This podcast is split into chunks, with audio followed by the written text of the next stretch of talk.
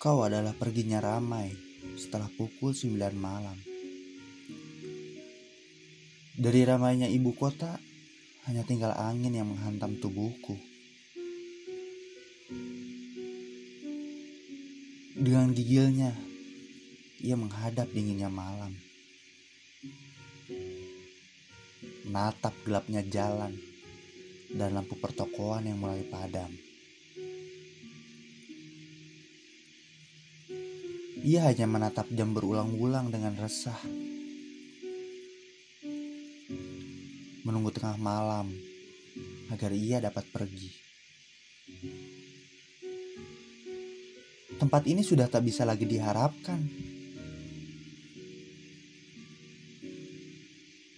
Lalu ia kembali duduk sambil menatap bintang yang entah di mana ia tinggal.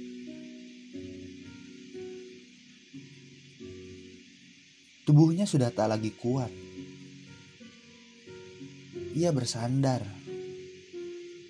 karena lelah setelah menghadapi ramainya dirimu di siang hari. Ia hanya ingin bernafas. Ia hanya ingin sendiri.